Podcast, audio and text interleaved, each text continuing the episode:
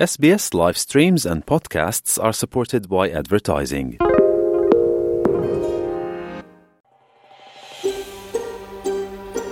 您正在收听的是 SBS 广播中文普通话节目，更多节目内容请浏览 sbs 点 com 点 au 闲斜杠 mandarin 或下载应用程序 SBS Radio App。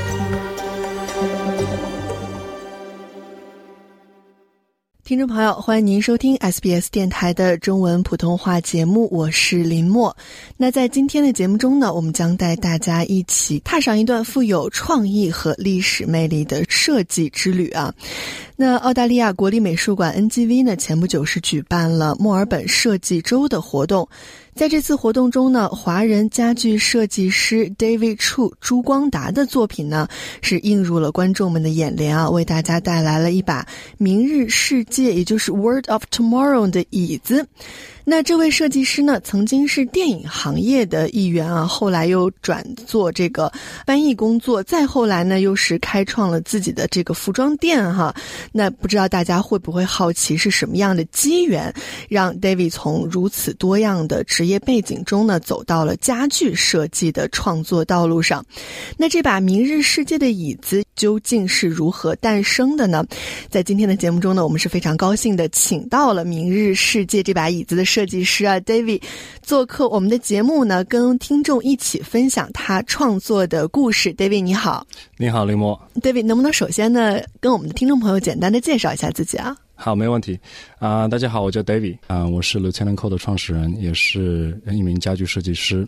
我从十五岁的时候来了这里，啊、来到了澳大利亚墨尔本，然后啊、在大学的时候呢，是学习了电影专业，还有国际关系专业。嗯然后毕业了之后呢，我是就做过一些同声传译方面的学习，还有嗯这样子经验。然后呢，一个偶然的机遇就进入了这个啊、呃零售行业，一做就做了好几年，做了六七年。嗯然后经过一段时间之后呢，因为我一直从小的一个梦想就是想要开一个自己的店铺，然后呢，我就辞职了之前的工作，然后就开了自己的一个服装店，这样子。嗯嗯嗯，您刚才提到了自己的专业啊，嗯呃，是这个电影专业，包括国际关系，到后来的翻译，再到后来自己做这个可以说是男装的这个行业吧是没。错，嗯。然后现在又作为一名家具设计师啊，参加到呃 NGV，也就是澳大利亚国立美术馆的这样一个墨尔本设计周的活动中，是什么样的机缘啊，让您从如此多样的这种职业背景中，走到了家具设计的这个创作之路上？嗯，是这样的，因为我其实一直非常喜欢中古的家具设计，其实自己也有一些收藏。嗯那在这个 COVID 的时候呢，就是在这个疫情的时候呢，在我们这边墨尔本封城的时候，其实心理活动那个时候是特别复杂的，因为呃店铺也不能营业，然后每天说不上来吧，有各种焦虑或者一些负面的情绪。然后就想能不能做一些什么，然后就想其实自己可以创作一些自己以前没有做过的东西，嗯那就是啊、设计。但是设计什么呢？我觉得可能服装那个时候其实不能表达我想要去创作的东西，更那个时候是想要一种啊、可能是自由感吧，所以就想去试一下不同的行业，呃，不同的领域了，应该这么说。嗯然后就选择了家具，然后就开始画。接下来就是查怎么去把这个东西做出来，然后用了很多，比如说纸啊、橡皮泥啊去做一个这样的雏形，然后慢慢的去学习了 3D 建模之类的这样的软件，做出了这样的产品。嗯你刚才提到的一点非常有意思，就是对这个自由的向往，对吧？嗯嗯特别是在墨尔本啊，经历了那么多次的 lockdown 封城之后，相信大家都有同样的感受，嗯没错，没错。都对自由充满了这个向往啊。那个时候，嗯，为什么家具能够体现自由的色色彩啊？这个特别有意思，因为我这个家具的这个背景是根据一九三九年纽约世博会作为一个背景的。其实这个背景呢，它就是那个时候的主题就是明日世界的 World of Tomorrow，就是当时的人去去向往明日的世界会怎么样。然后它当中体现的一些工业设计也好，一种审美的体系也好，都是给你感知那种未来的感觉，它不一定真正的是高科技，是一种。对未来世界的一种美好的一种发想。所以你觉得是对明日的向往，然后联系到了这个对自由的向往？对，吗没。错，没错，没错，没错，没错，当中是有一定的联系性的。对，嗯，那您刚才提到的这把椅子，嗯明日世界的椅子，其实就是您这次带到呃墨尔本设计周的作品，对吗？没错，就是了。对，也是我的第一个作品。嗯，第一个作品就能够去到 NGV 国立美术馆的这样一个设计周，是什么样的感受啊？啊、首先是非常的惊讶，然后也是抱着那时候试一试的心心态去做的。我想把我的这一份世界观去和我的观众分享。嗯，所以说是您自己报名参加，然后呃，经过一些筛选，对吗？是不是有一些什么样的标准啊，或者什么样的条件？啊、是有的。首先呢，它要符合它的一个大的框架和它的一个价值观。那它的一个是，首先它有三个 pillars，它一个第一个呢，我记得非常清楚，就是 sustainability，也就是我们一直说的可持续性发展。嗯，在这个可持续性发展上呢，不只是材料和设计上的。的一个东西，还有是你一个理念和一个价值观的可持续性发展。那第二个呢是 currency，就是你的当下性的时效性。你这个东西，嗯，可以说是跟前面一点有一样的关系的。到底你的设计是在当下是有一个什么样的影响，或者是呃，在未来之后，别人怎么看待你这样的一个作品，或者对这个文化输出有一个什么样的一个价值？对。嗯嗯然后这个整个设计周的主题就是 Design the world you want，就是设计你想要的世界。所以我觉得可能，呃，歪打正着的和这个主题就不谋而合了。是是，嗯，其实您的这个作品并不是为了这个设计周去准备的，但是却和这个设计周的主题不谋而合。没错没错，是这样的。嗯，那我我也在这个 NGV 的官网上啊看到了您的这把椅子的照片，包括这个介绍啊，在这个呃官网上的介绍是说，这把椅子展示了对过去世界博览会和汽车概念的重新。构想和融合啊，能不能详细的给我们介绍一下这个设计灵感？没问题，没问题。我一直认为汽车是展现工业设计的一个非常好的缩影。如果你想看一个国家它在工业设计上有什么样的成就，你会去看一些民用的东西。那汽车就是就是最简单，也是最贴近生活的一种工业设计的体现。当然，家具也是一部分，但是汽车来说是非常大众或者实际的。嗯所以那个时候的汽车，在于三十年代也好，六十年代也好，都是那个时候美国工业设计的一种巅峰了。不管是在造型上，还是在它的这个科技上面，难道难道现在都是很多 collectors 这些收藏者一定要去收藏的东西？嗯，嗯，这是一个过去与现在，包括未来的一个非常好的一个融合。是没错，没错可。以这么说。那从设计到呃这个椅子最终呈现在大家面前做好，嗯一共历经了多长时间呢？啊，一共历经了大概一年左右的时间。其实对于工业设计来说，其实是非常短的一个一个一个时间。因为如果你要经过不同的打磨，或者是去不同的去测试的话，如果在以前的话，可能要五六年才会诞生一个作品。其实一年来说已经是非常快了。嗯，那您在这一年的这个制作过程中啊，嗯，有没有遇到一些什么样的挑战？或者说是意外的发现，或者是这个突破性的进展啊？是，其实是有的。就是一开始当做完之后，联系不同的工厂。其实我最早的第一个 prototyping 的工厂是在中国的，嗯，然后跟他他们的这个负责人去联系啊什么。当他用泡沫板削成那个椅子的形状的时候，那一刻其实是非常震撼的。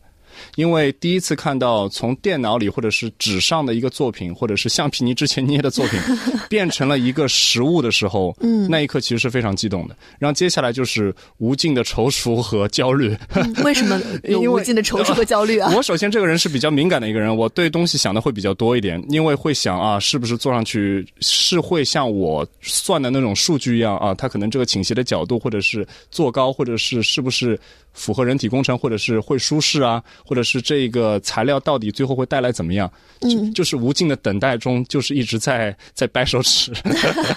但是其实做出来之后。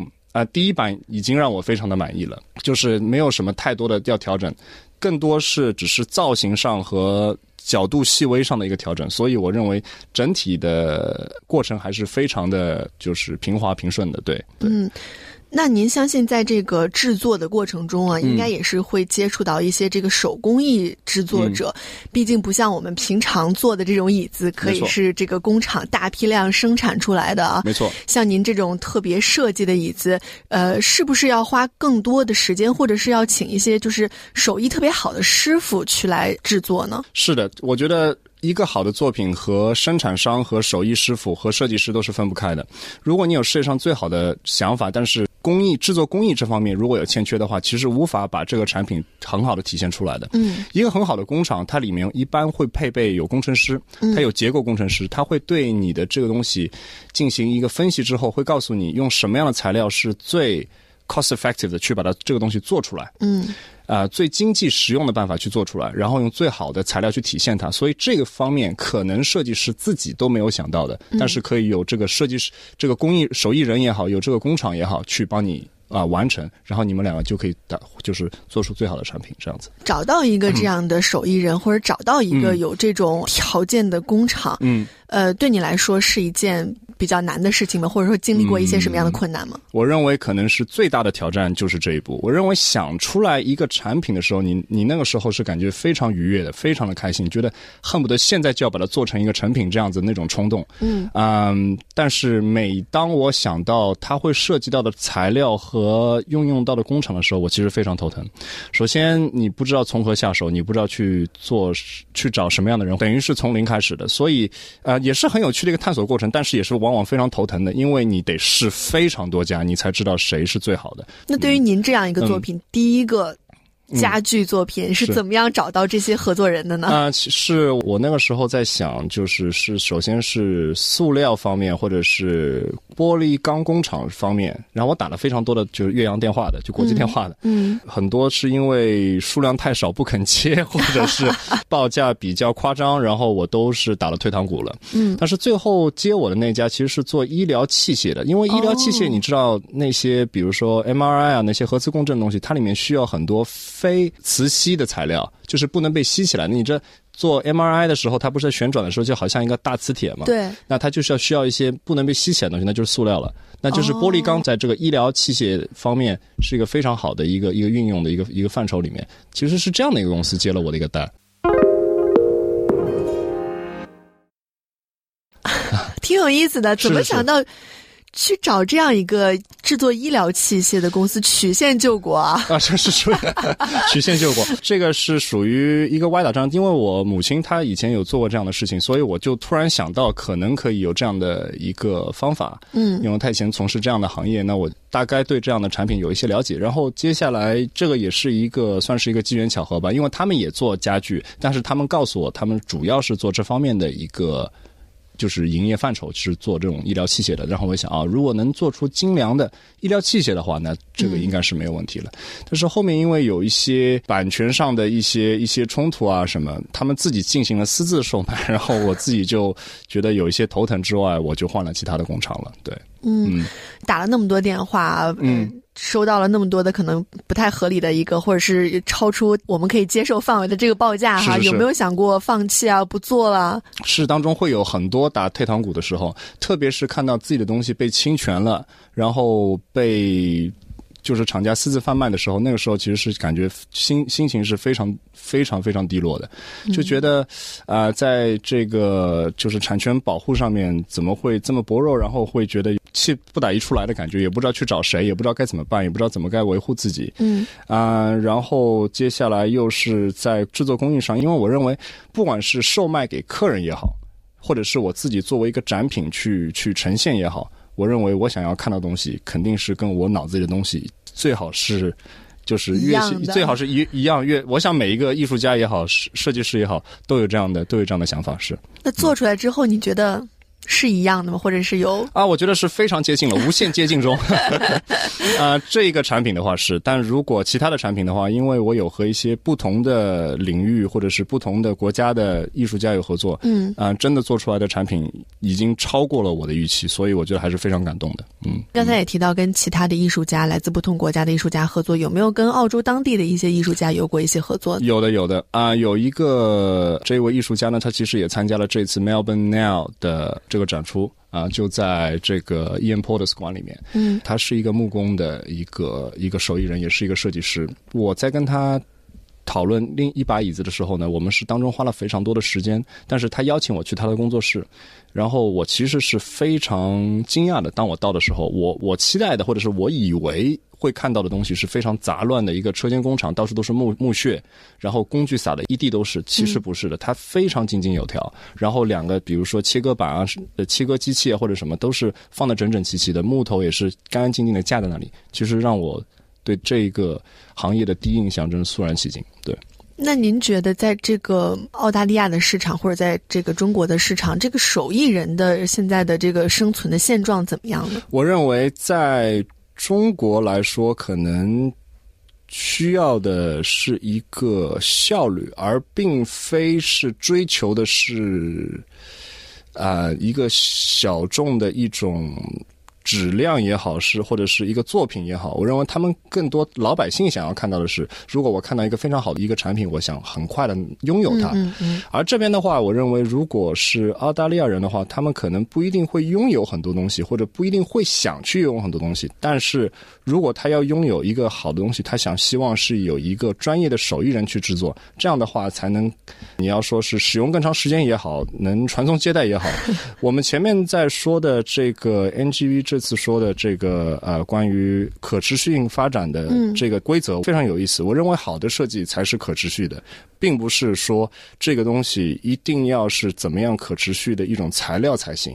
我们一直说海洋回收的塑料它是可持续的，但我并不认为这样的材料能做出好的产品，因为它的这个材料本身是廉价的，的确它是回收了，环保的环保的没错的，这个毋庸置疑。但是我并不认为这样的材料它可以做出让你觉得。感动的作品，我觉得人是一个非常直观的动物。当你看到一种有趣的布料也好，材料也好，你是会对它产生一种自己的感情的。如果你有一个用了时间非常旧的木桌子，嗯，可能是您的爷爷留留给您的，或者是他们一直在使用的，嗯摸到这个桌子，你会觉得非常温暖，你会觉得有感情。但是如果是个塑料的椅子的，或者塑料的桌子的话，可能这个感觉就降半了。这个材质给人带来的感觉，没错了，是不一样的，是不一。样的。所以我个人认为，一个好的设计是除了要用好的材料以外，还有它这个设计本身，它一定要是可持续的，就是能经久不衰的，就是是真的 classic 的一个一个产品，它才能真正的达到这样可持续的。因为当你买很多，你扔了有很多，其实。就算它是能海洋回收，塑料也没有用。但是如果是个好的设计，你只要买一把就可以了。我认为这是我的想法。在您看来，可持续性可能是一个好的设计，经久不衰的百看不厌的一个设计，没错了，能让我们用很长时间，没错。或者是传给下一代，这样再传下去没错啊。，这就是为什么在这边啊，中古的市场是非常的发达的。你看，中古的服饰啊，小年轻也好，老百姓每一个大家都很喜欢去逛这样的地方。除了便宜以外，是以前的东西很有趣，其他人的一些捐过来的衣服也好，其他人的收藏，你会很想知道这个产品后面的故事。如果每一个设计都是经过这样。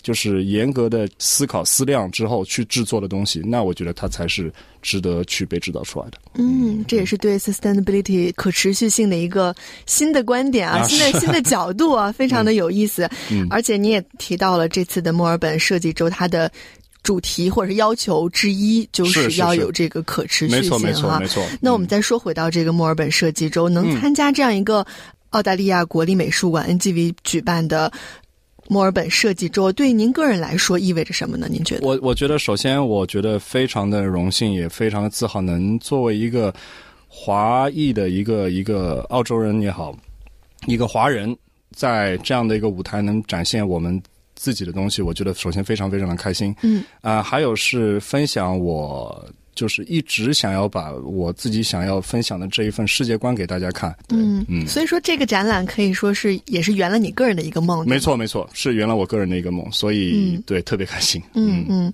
那对于参加展览的这个观众来说啊，嗯您在这个十天的时间里，相信也接触到了很多各种各样的来自不同族裔背景的观众哈、是华人群体多吗？其实华人群体并不是很多，其实这一点我有一些小小的失望。我认为在就是我们的华人群体中，我认为如果有更多的朋友能参与到这样的事情来，我会觉得非常好。不一定是作为一个参参加者，设计师，设计师对，不一定是作为一个参加者，但是作为一个体验者，我认为墨尔本最最美或者是最棒的一个特色就是。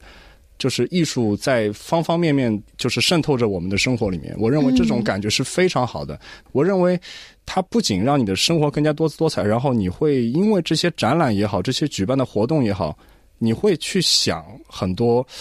不同的意义，我个人认为我们是非常幸运的，能住在这样的一个美丽的城市里面。对，嗯，其实参加这些展览也是让我们能够融入到当地生活、当地社会的一个途径之一啊。是是是。那您觉得，之所以啊，可能来参观的华人比较少，会不会是因为可能？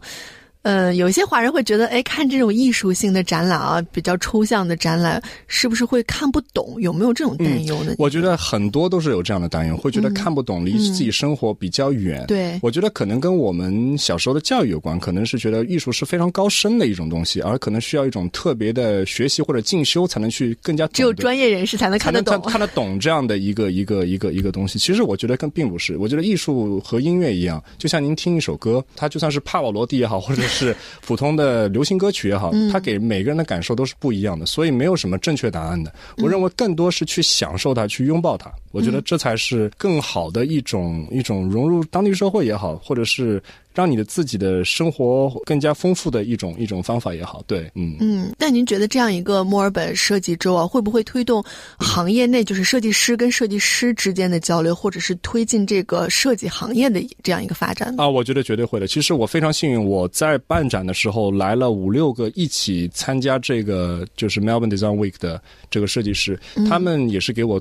给我了很多就是这种反馈和和一些和一些经验，我其实其实觉得很受益匪浅的。我认为通过去不同设计师也好，去不同的这种 program，让你学到的东西是非常多的，是可能一年中你都没有这样的机会，因为他们这些人作为入选者，也是可以说是展现在观众面前的，也是他们所谓的精华。嗯，所以我认为是非常有趣的。有些他们不只是工业设计师，他们有的可能是编织手艺人。嗯，你会觉得哦，编织可以做出这么多有趣的图案，或者是呃，甚至是形状，你之前是从来没有想过的。嗯嗯嗯，所以参加这样的活动，真的是自己也能学习到很多。哦，当然当然，当然。嗯，那我们。刚才谈到了您的第一把椅子，就拿到了这个呃 Melbourne Design Week 墨尔本设计周上。那接下来对未来有没有一些什么样的规划呢？是不是还是会继续从事这样一个家具设计的行业呢？嗯，我想我会的。我觉得这是一个很长的一个旅程。虽然这次非常幸运，我觉得我还是想参加到这样的舞台。我其实觉得有机会的话，我真的非常想去到不同的国家去展示我的其他的作品，特别是这一个椅子，我认为这个是非常有代表性的。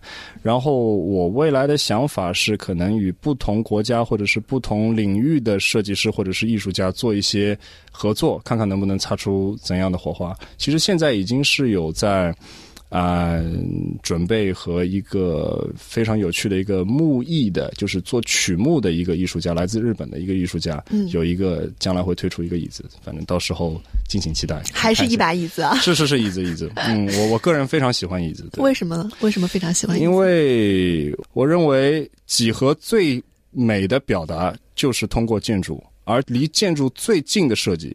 就是家具设计，对，而且这个家具啊，包括椅子，都是我们每天都要使用的一个东西啊。没错，没错，没错。嗯，所以很多人一直说几何是上帝的语言，这个东西我觉得是可以理解的。如果你去到欧洲，能看到一些不同的教堂啊啊，或者以前的一些建筑物啊，你会觉得空间和几何给你带来的这种美感是。